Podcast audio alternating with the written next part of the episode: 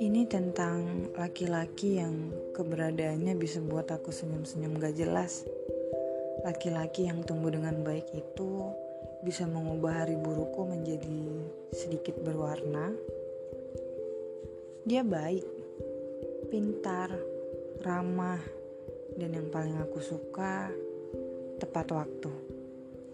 Sejauh ini, Tuhan belum tunjukin ke aku salah satu kekurangannya Semoga saja dalam waktu dekat, jadi aku bisa menilai dia tidak hanya dari sisi baiknya saja.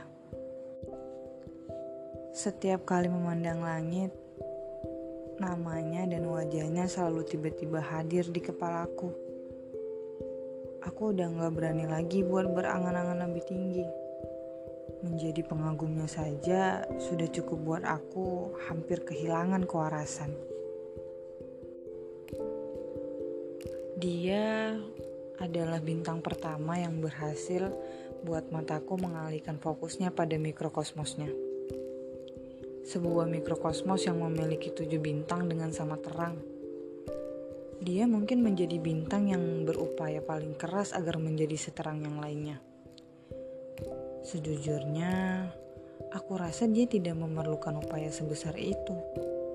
Sebab dia memang telah terlahir istimewa.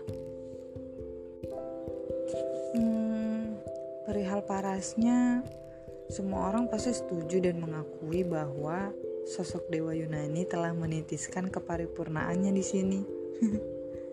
Setiap kali lihat dia tertawa, dunia aku merapikan dirinya.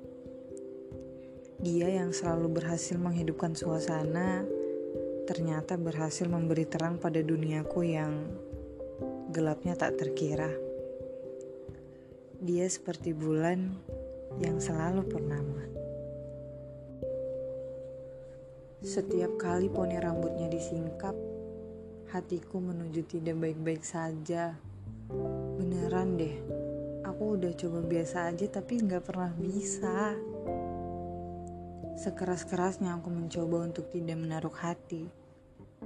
Hal itu tetap terjadi. Dia yang memang layak diberi atensi.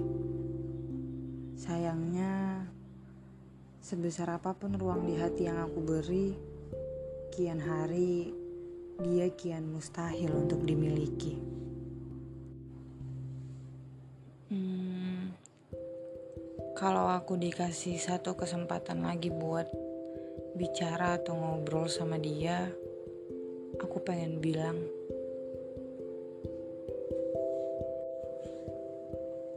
Maaf jika pada akhirnya aku sendiri yang mengingkari kalimat itu. Aku yang memintamu untuk tidak menghindar, tapi malah aku sendiri yang menghindari pertemuan itu. Kali ini saja, aku usahakan gak bakal lama. Aku bakal kembali bertemu denganmu seperti biasa.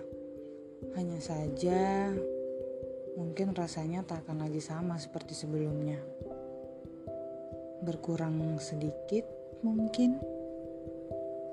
Tenang saja, kau masih menakjubkan. Kau masih yang paling bersinar di antara teman-temanmu. Kupastikan itu. Mengapa? Mengapa aku menghindar darimu? Mungkin karena aku belum terbiasa belum terbiasa melihatmu dengan perasaan yang sama setelah semua hal yang terjadi belakangan ini. Bukan, ini bukan salahmu. Ini salahku. Sekarang aku hanya butuh waktu untuk meyakini diriku sendiri bahwa aku sudah sampai di titik resiko yang sudah kuduga-duga sebelum menyatakan perasaan ini.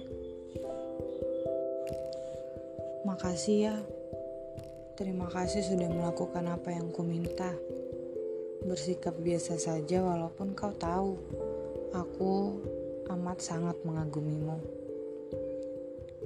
Ternyata aku benar, kau adalah orang yang bisa dipercaya. Terima kasih Tuhan, aku sangat bersyukur bisa mengenalmu di dunia. Hmm, sudah, Hanya itu yang ingin kusampaikan padanya. Hmm. Dan selamanya sosok itu cuma bisa dikagumi saja dari jauh.